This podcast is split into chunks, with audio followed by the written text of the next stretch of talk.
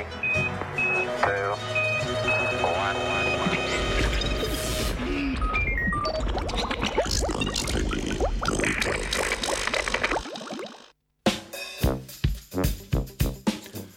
Z umetno inteligenco nad sepso.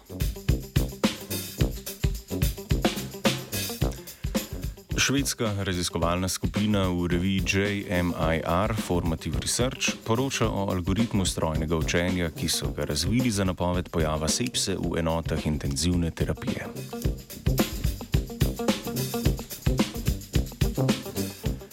Zastrupitev krvi oziroma sepsa je sistemski unetni odziv na vdor bolezenskih mikroorganizmov in njihovih toksinov v kri. Brez zdravljenja se lahko stopnjuje do septičnega šoka, odpovedi številnih organov in smrti.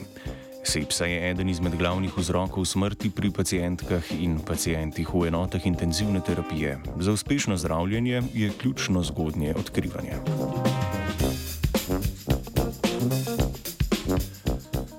Sepso spremlja skupek simptomov in znakov, poleg tega je zgodnje odkrivanje težavno še zaradi heterogenega odziva pacijentk in pacijentov in pomankanja zanesljivih biomarkerjev za njeno odkrivanje. Diagnozo sepse zdravstveno osebje postavi na podlagi kliničnih pregledov, laboratorijskih izvidov in informacij, ki jih očitajo z medicinskih naprav za spremljanje pacijentk in pacijentov. Slabost takega načina diagnosticiranja pa je v tem, da je subjektiven in časovno potraten.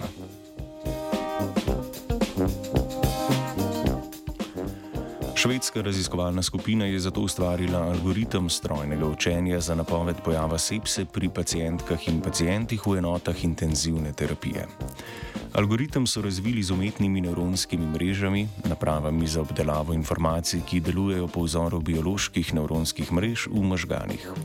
Nevronske mreže so učili na delu podatkov laboratorija za računalniško fiziologijo Ameriške univerze MIT, ki vsebuje klinične informacije pacijentk in pacijentov, hospitaliziranih v enotah intenzivne terapije in starih vsaj 18 let.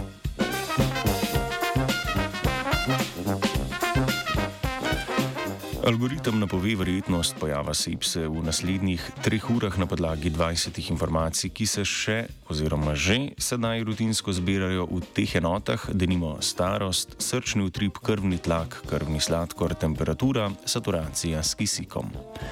Uspešnost napovedi pojava sepse so raziskovalke in raziskovalci preizkusili na drugem modelu podatkov o pacijentkah in pacijentih, torej tistem modelu podatkov, ki ni bil uporabljen za učenje nevronskih mrež. Učinkovitost algoritma so izračunali kot razmerje med tistimi, pri katerih je algoritem pravilno napovedal, da bodo razvili sepso, in med lažnimi pozitivnimi, torej tistimi, za katere je algoritem zmotno predvidel razvoj sepse. Ugotovili so, da je algoritem zelo učinkovit pri prepoznavanju pacijentk in pacijentov, ki imajo visoko tveganje za nastanek sepse z nizkim deležem lažno pozitivnih.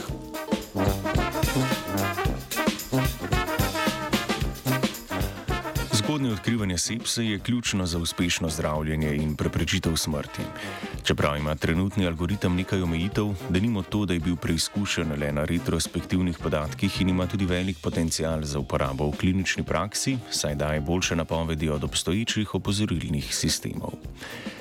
Trenutno se tudi že izvaja klinična študija, v kateri bodo prospektivno preizkušali uspešnost napovedovanja tega algoritma.